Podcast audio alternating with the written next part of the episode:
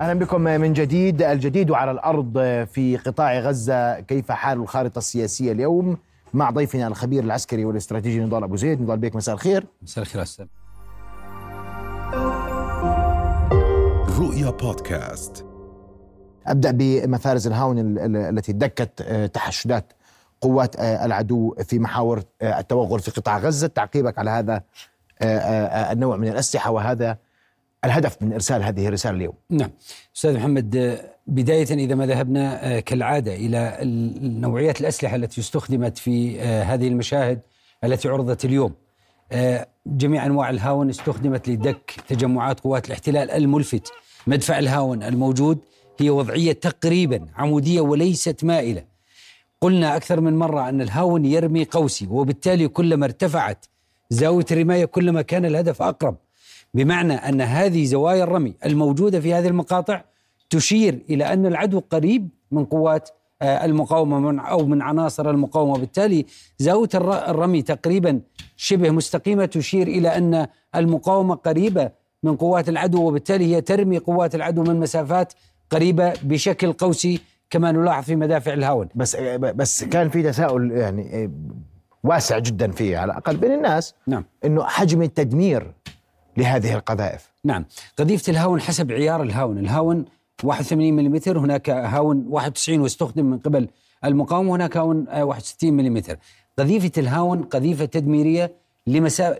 لدائرة نصف قطر الدائرة هذه 25 متر. ال- ال- التأثير فيها يكون على مسافة 5 متر. في دائرة 5 متر يكون التأثير فيها قاتل. بينما في باقي أطراف الدائرة على 25 متر قد يكون يصيب أو يج- يجرح أو يعيق لكن الهاون قذيفة مؤثرة والإعتماد المقاوم عليها لأنها رمايتها قوسية أي ترمي من خلف ستار إلى تجمعات العدو وبالمناسبة الهاون لا يرمى على ال- المدرعات لأنه لا يصيب لا يؤثر في المدرعات هو يؤثر في الآليات خفيف التصفيح وفي التجمعات البشرية.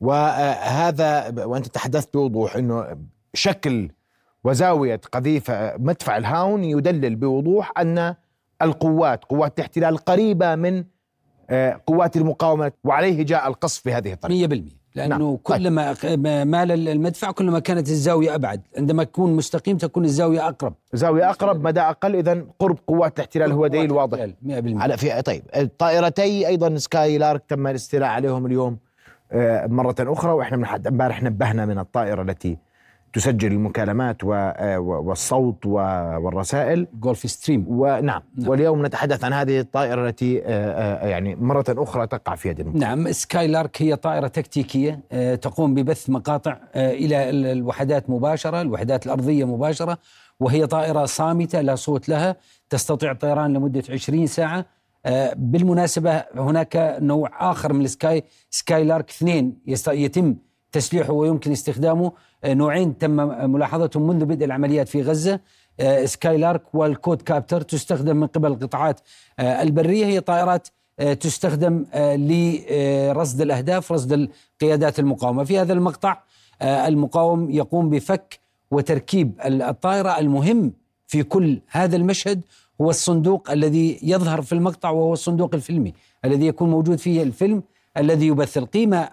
هذا الصندوق الفيلمي الذي يكون يحتوي على المادة الفيلمية التي تم تصويرها أثناء العملية وبالتالي تستطيع من خلال هذه المادة الفيلمية إذا تم تحليلها أن تحدد المقاومة ما هي الأهداف التي تسعى لها قوات الاحتلال أو تريد الوصول لها من خلال تصوير هذه المشاهد. طالما بقي إسقاط هذه الطائرات قائما المقاومة أكثر اطلاعا على ما يدور في ذهن الاحتلال على أقل تقدير وما يصور. تماما حتى أن هذه الطائرة لا يتم إسقاطها بالتدمير إذا ما لاحظنا هو يتم إسقاطها بالتشويش.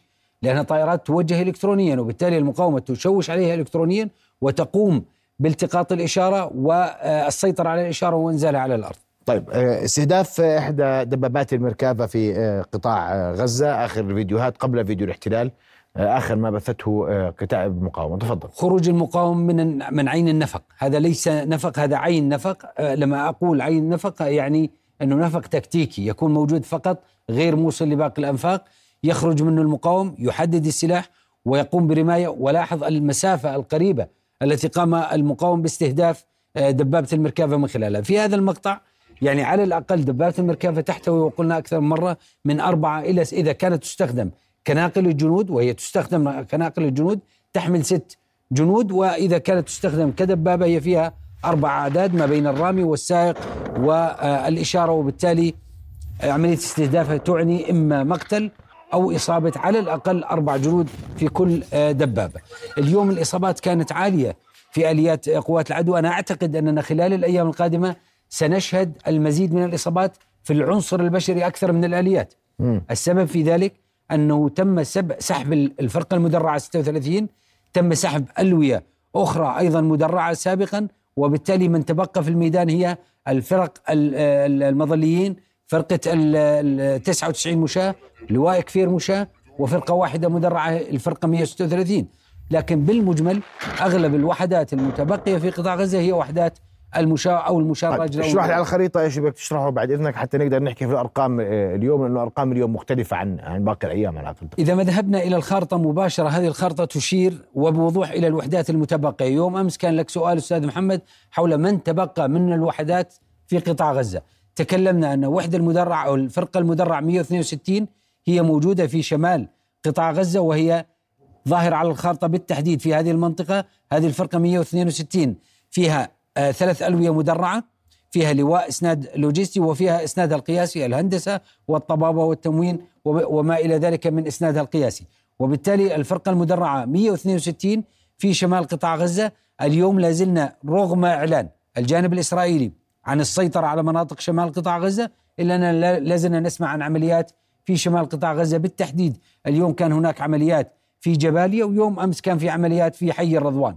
وبالتالي الرواية الإسرائيلية التي تتحدث عن شمال قطاع غزة يبدو أنها تفككت أمام هجمات المقاومة في شمال قطاع غزة التي يبدو أنها بدأت تعيد إنتاج نفسها المقاومة في شمال قطاع غزة. نذهب إلى المنطقة الوسطى والتي تحدثنا عنها كثيرا. وهو محور جحر الديك البريج مخيم انصارات المغازي. اليوم كانت المغازي عبارة عن مقبرة لقوات الاحتلال. حصل فيها عمليات كثيرة تم بث مقاطع كثيرة منها لكن يبدو أن عملية قطع الإنترنت والاتصالات قد أعاقت نشر الكثير من المقاطع اليوم. وبالتالي في هذا المنطقة بالتحديد المنطقة الوسطى تتواجد فيها الفرقة المشاة 99 هذه الفرقة من ثلاث ألوية مشاة ولواء من آه، آه، احتياط من الاحتياط الاستراتيجي المرتبط برئاسة الأركان وهو لواء كفير. آه، وتقاتل الفرقة بالمناسبة في مناطق الوسط لأنها تريد تقطيع أوصال قطاع غزة وبالتحديد فصل الشمال عن الجنوب حتى لا يتم أي تواصل بين عناصر المقاومة شمال وجنوب قطاع غزة. نذهب إلى المنطقة الأكثر سخونة والأكثر نعم. اشتعالا وهي المنطقة الجنوبية في خان يونس بالتحديد. هذه المنطقة موجودة فيها الفرقة المظليين. 98 وهي تقاتل في هذه المنطقة منذ 44 يوم بالتحديد. هذه الفرقة موجود منها ثلاث ألوية مظليين ولواء لواء كوماندوز كما هو ظاهر في التجميع الواجب على الخارطة مباشرة. وبالتالي عندما نتكلم عن فرقة مظليين تقاتل في محيط آه، خان يونس منذ 44 يوم. هي هذه الفرقة آه، لديها نقطة ضعف كبيرة أنها غير مح جنودها غير محميين بالمدرعات لأن فرقة المظليين تقودها إما سيارات الهمفي الهمر الأمريكية أو أنها تتنقل من خلال ناقلات آه، النمر. وبالتالي الجندي يصبح عرضة أكثر للإصابة وهذا ما يفسر أن آه، أن أعداد الإصابات في القوى البشرية في المنطقة الجنوبية أعلى من المنطقة الشمالية من قطاع غزة لأن الجندي في المنطقة الشمالية محمي بدبابات المركافة وبالناقلات بينما في المناطق الجنوبية في خان يونس بالتحديد هو غير محمي لأنه جندي مظلي مشاة يتنقل إما راجل أو من خلال ناقلات النمر. وبالمناسبة بمناسبة الحديث عن خان يونس اليوم آه، يعني نتمنى الشفاء لأحد آه، عناصر المستشفى الميداني الأردني الذي أصيب في آه، مستشفى خان نعم. يونس. ونتمنى السلامة لباقي كوادر ونشامة المستشفى في خان يونس. وبالتالي شدة العمليات في خان يونس لا تزال مرتفعة. تحاول قوات الاحتلال التوغل في خان يونس لكن أعتقد أن قوات الاحتلال أصبحت عاجزة عن الدخول اليوم بالمناسبة في خان يونس. كان هناك عملية إنزال. هذه عملية الإنزال الثانية المعلنة والمصورة. الاحتلال يتحدث اليوم عن خمس عمليات إنزال وبالتالي عندما نتحدث عن عملية إنزال بطائرات ال C 130 وتم إنزال تقريبا وحسب ما أعلنت المصادر الإسرائيلية 16 طن من المعدات والمواد ومواد الإمداد اللوجستي في محيط خان يونس. هذا يفسر ويعزز ما تكلمنا عنه من نبض البلد أن معركة خان يونس لغاية اليوم بعد 44 يوم من القتال في محيط خان يونس هي معركة خطوط إمداد. بمعنى أن قوات الاحتلال لم تستطع لغاية الآن إمداد قواتها الموجودة في محيط خان يونس فاضطرت مرغمة لاستخدام الإنزال الجوي. في العرف العسكري الإنزال الجوي له محاذير كبيرة. في منطقة صراع مثل خان يونس لا يمكن الإنزال إلا إذا كانت القوات مضطرة في حالتين فقط. الحالة الأولى إما أن تكون القوات محاصرة أو أن تكون خطوط الإمداد طويلة أو أن تكون خطوط الإمداد مقطوعة. وبالتالي في كلا الثلاث حالات عملية الإنزال مؤشر كبير تدعم خيار أن المقاومة تتفوق في خان يونس على حساب قوات الاحتلال فأنت برأيك أن القوة التي يتم إنزال جوي لها هي في في حالتين؟ الأولى هي أنها محاصرة من قبل المقاومة لا يمكن الوصول لها أو أن طرق إمدادها طويلة أو مقطوعة لذلك يتم اللجوء للإنزال الجوي. تمام. وهذا الإنزال الخامس. هذا الإنزال الخامس. وبالتالي عندما نقول وكله تركز في المنطقة الجنوبية. تركز في المنطقة الجنوبية. الآن ال ال الانتقادات كانت كبيرة جدا من قبل المواقع الإسرائيلية لهذه العملية. موقع ولا اليوم العبري آه، آه، تكلم بسخرية عن عملية الإنزال. قال أن جيش الاحتلال يقوم بعملية إنزال على وقواته على بعد أمتار من غلاف غزة. بمعنى أن آه، غلاف غزة لا يبعد كثيرا. أبعد نقطة عن حدود غلاف غزة تتواجد فيها قوات الاحتلال هي منطقة بني سهيلة. تبعد عن حدود غلاف غزة ثلاثة إلى ثلاثة ونص كيلو متر وبالتالي لا يتطلب ذلك إنزال جوي لوحدات موجودة في هذه المنطقة.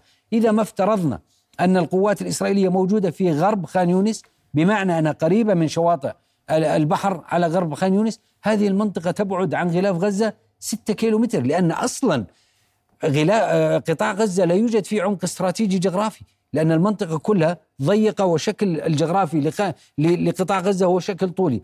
وبالتالي عندما تضطر القوات لإنزال جوي لإنزال لوجستي لقطاعاتها جويا بطائرات سي 130 نعرف تماما أن هذا مؤشر أن القوات لا يمكن لها ولا تستطيع تزويد نفسها بالعمليات التزويد البرية بسبب مخاوف من قطع خطوط الإمداد أو مخاوف من استهداف قوافل التزويد كما حصل في الشمال. عندما تم استهداف أحد شاحنات الذخيرة المتقدمة برا من الشمال باتجاه مناطق آه، جبالية وبالتالي لا يريدون قوات الاحتلال تكرار التجربة لذلك قامت بالاستعاضة عن عملية الإنزال البري عملية التزويد البري بعملية تزويد جوي. هذا مجمل العمليات بالمحصلة بعد هذا ال ال ال ال الكم الهائل من العمليات العسكرية والخسائر التي تعرض لها قوات الاحتلال في اليوم 130 لا نريد أن نغفل أن هناك صفيح ساخن يشتعل شيئا فشيئا ولا يجب أن نغفل عنه وهو الضفة الغربية. الخليل حدث فيها عمليتين في أقل من أسبوع، أحدهم عملية تسلل والأخرى عملية آه، قتل لجنود آه، إسرائيليين. آه، مخيم بلاطة يشتعل نابلس هناك في عمليات طول كرم يوم أمس تم اقتحامها جنين أيضا تتحرك وبالتالي جبهة الضفة الغربية لا يجب أن يتم إغفالها. وقد يفسر ذلك قيام قوات الاحتلال بالدفع بوحدة نخبة من وحدات قوات الاحتلال ووحدة الدفتفان سحبها من قطاع غزة وأرسلها إلى الضفة الغربية تحسبا لاشتعال الضفة الغربية. وبالتالي يبدو أن قوات الاحتلال في وضع لا تحسد عليه. الضفة الغربية تشتعل خسائر كبيرة في آه، قطاع غزة والعمليات في اليوم 103 103 أيام والحدود الشمالية من الأراضي المحتلة مع جنوب لبنان تتحرك ونسمع تصريحات عديدة من التصريحات اليوم بتقول لك هذه هذه الجبهة يعني قد تشتعل في أي لحظة والوضع بات أكثر سخونة ومرشح للتفاعل أكثر. نعم. هذا هذا رئيس جيش الاحتلال. نعم. رئيس الأركان اليوم م. تكلم عن هذا الشيء وحتى نكون موضوعيين في الطرح وفي التحليل. الجانب الإسرائيلي يدفع باتجاه إطالة أمد العمليات وبالتحديد الحكومة المصغرة حكومة الحرب تدفع باتجاه إطالة أمد العمليات. هي تريد بعض أقطاب هذه الحكومة المصغرة يريد تقديم خدمة لنتنياهو لإطالة أمد العمليات حتى يضمن بقائه في الحالة السياسية الإسرائيلية لأن إطالة أمد العمليات يخدم نتنياهو بالدرجة الأولى. ولكن هل يخدم الجيش الإسرائيلي؟ أنا أعتقد أنه لا يخدم الجيش الإسرائيلي. موضوع اشتعال الجبهة الشمالية والجنوبية الشمالية من الأراضي المحتلة والجنوبية مع أراضي لبنان أود أن أكرر ما تكلمت فيه من نبض البلد أن قرار الحرب في هذه المنطقة ليس بيد إسرائيل وليس بيد حزب الله. القرار في هذه المنطقة بيد الجانب الأمريكي من جانب إسرائيل وبيد إيران من جانب حزب الله. وبالتالي هناك على ما يبدو توافقات ضمنية من تحت الطاولة بين الطرفين على عدم توسيع دائرة الصراع في المنطقة لكن يبدو أن يؤاف جلنت وزير الدفاع يريد تقديم خدمة لنتنياهو بإشعال المنطقة الشمالية حتى يجر المنطقة أو يجر آه، إسرائيل إلى حرب أطول قد تخدم السياسيين في الائتلاف وسيجر المنطقة إلى حرب إقليمية إن فعل ذلك لكن في ذات الإطار وأريد أن أسمع منك تحليلا أخيرا للأرقام لو سمحت بدقيقة. أرقام الخسائر اليوم آه، تكلم الجانب الإسرائيلي. أعلن عن 35 جندي بينهم ضابط قتلى لم يدرج. هذا الرقم في أرقام وزارة الدفاع لأنه بالعادة من خلال متابعاتنا لأرقام الموقع الرسمي لوزارة الدفاع الإسرائيلية هو يدرج كل 24 ساعة وبالتالي الأرقام اليوم تثبت ما تكلمنا فيه أمس. آه، الأرقام اليوم تشير ومن أرقام رسمية من من مواقع وزارة الدفاع الإسرائيلية اليوم الرقم 527 قتيل منذ بدء العملية العسكرية. 192 قتيل منذ بدء العملية البرية.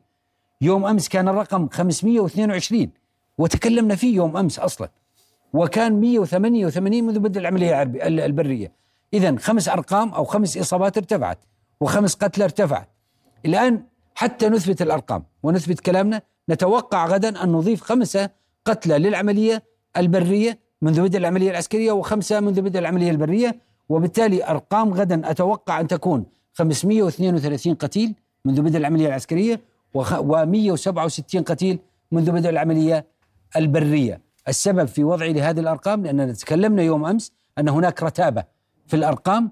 هذه الرتابة يبدو أنه لم يتنبه لها الجانب الإسرائيلي وتشير صراحة إلى أن هناك عامل مكافئ يستخدم يسقط على هذه الأرقام حتى لا تنفلت هذه الأرقام باتجاهات المواقع الصحافة الإسرائيلية أو اكتشاف هذه الأرقام الحقيقية الضخمة من قبل الشارع الإسرائيلي. بدي أشكرك كل الشكر للخبير العسكري والاستراتيجي نضال ابو زيد على وجودك معنا ليله. شكرا كل الشكر أستاذ محمد. لقاؤنا غدا يتجدد للحديث في هذه في في تطورات الأمور والأرقام اللي ذكرتها إذا كانت تنطبق أو لا. جاهزين سيدي. شكرا جزيلا. إن شاء الله أستاذ محمد. رؤيا بودكاست